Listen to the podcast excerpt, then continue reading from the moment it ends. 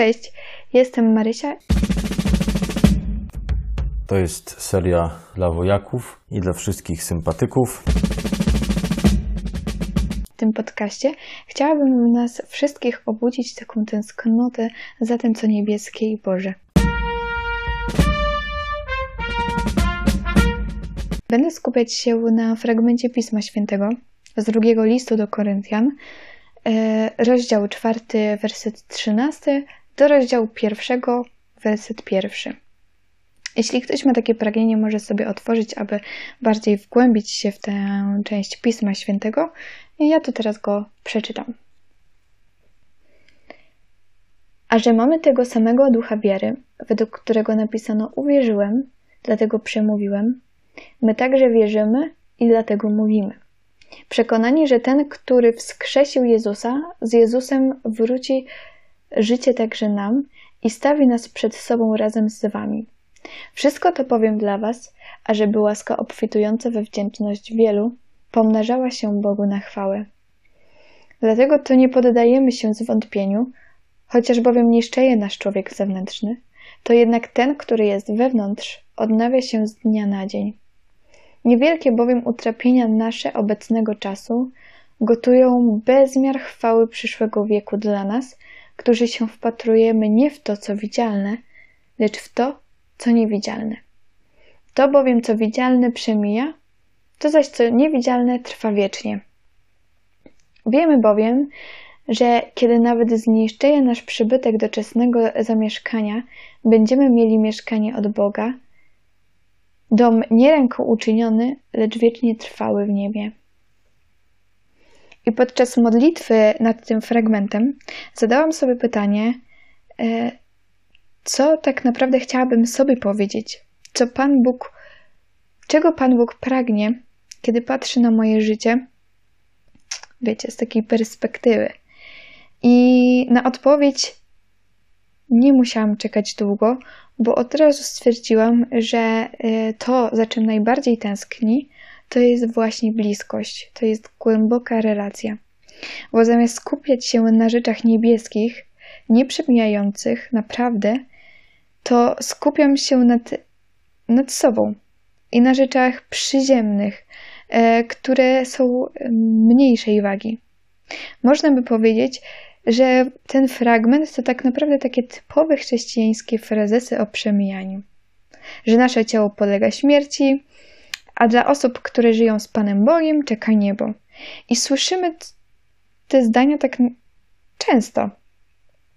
Ale kiedy się zastanowić i wejść w głębiej w ten fragment, zobaczymy, że tutaj nie chodzi tylko o życie wieczne po śmierci, która wydaje mi się, że dla nas, szczególnie młodych, jest jeszcze taką abstrakcją, e, ale chodzi tutaj też o to, mm, że tutaj w teraźniejszości mamy życie w Panu Bogu że tutaj na Ziemi już możemy jakby dotknąć troszeczkę nieba.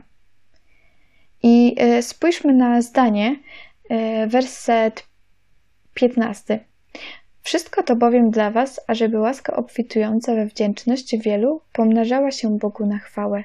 Dlatego to nie poddajemy się zawątpieniu, chociaż bowiem niszczeje nasz człowiek zewnętrzny, to jednak ten, który jest wewnętrzny, odnawia się z dnia na dzień. Dla mnie to zdanie jest ogromną nadzieją, bo czy może być coś piękniejszego, kiedy mimo moich licznych grzechów, upadków, słabości, z nim moje życie codziennie się odnawia, codziennie dostaję drugą szansę. Codziennie mogę doświadczyć miłosierdzia i nieskończonej miłości Bożej. I dalej idąc fragmentem, mm, z werset 17, niewielkie bowiem Utrapienia nasze obecnego czasu gotują bezmiar chwały przyszłego wieku dla nas, którzy się wpatrujemy nie w to, co widzialne, lecz w to, co niewidzialne. I nagle nasze problemy, kłopoty, czy po prostu ciężary życia codziennego postrzegamy jako furtkę albo i bramę do nieba. To, jak żyjemy z Panem Bogiem, to zmienia nasz kompletnie całkiem naszą rzeczywistość. Bo na pozór rzeczy, które mogą nas ograniczać i po ludzku nas po prostu ograniczają, to jeśli spojrzymy na to jakby oczami Pana Boga, one prowadzą nas ku prawdziwej wolności. I wiecie, zastanawiałam się, czy może nie powiedzieć tutaj y, o kompleksach, bo wiem, że dziewczyny mają jeszcze, mm, szczególnie takie młodsze, mają z tym bardzo duży problem. Chciałam powiedzieć o piękniej, e, jak, jak to cudownie jesteśmy stworzone, że jesteśmy stworzone na obraz Pana Boga i, i jesteśmy Jego po prostu największym dziełem. Ale z drugiej strony stwierdziłam, że to jest tak naprawdę temat drugoplanowy. Bo gdybyśmy żyły z dnia na dzień w głębokiej relacji z Bogiem, w ogóle nie miałybyśmy problemu z samoakceptacją. Naprawdę wszystkie chodziłybyśmy z podniesionymi głowami, jak księżniczki króla wszechświata. I nawet nie wiecie, jak on tego pragnie dla każdej z nas. Jednak, żeby otworzyć się na tajemnicę prawdziwego piękna, potrzebujemy otworzyć się na relację z nim. I najlepsze jest to, że wtedy same nie musimy walczyć o tą samoakceptację, nie musimy się starać, bo tak jak on mówi właśnie w tym fragmencie Pisma Świętego, będzie przemieniał nasze serca codziennie.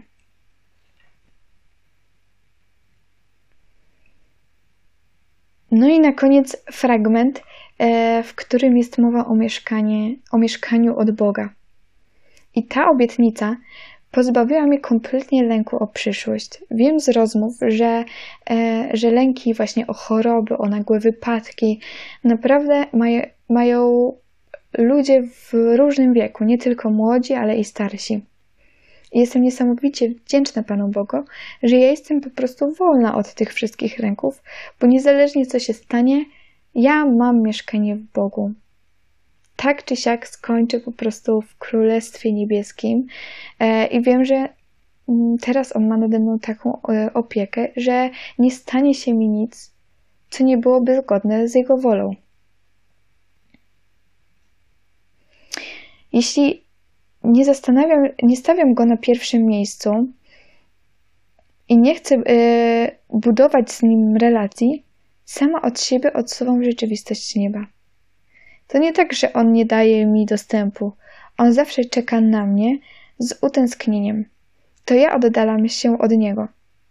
Sprawiam, że Pan Bóg nie ma dostępu do mojego życia, aby je właśnie codziennie odnawiać. A czasem, żeby zadbać o te relacje z Panem Bogiem, potrzeba naprawdę niewiele. No bo jak często przychodzi ci na myśl, że może wstaniesz 10 minut wcześniej, aby się pomodlić, a na koniec i tak wybierasz sen. Albo jak często padasz na, e, jakby podczas scrollowania Instagrama, przychodzi ci na myśl, że może lepiej te parę minut poświęcisz na modlitwę.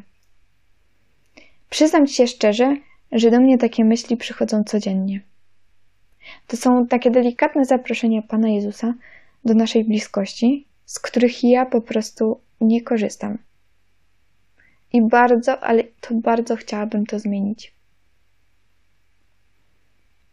A na koniec przeczytam Ci słowo, które wydaje mi się, że świetnie podsumuje ten mój cały wywód.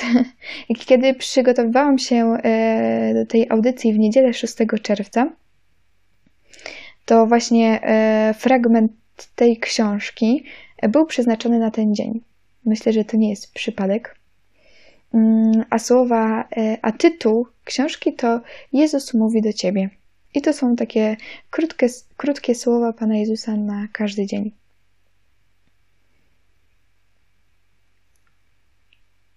Szukaj mojego oblicza, a znajdziesz zaspokojenie swoich najgłębszych pragnień.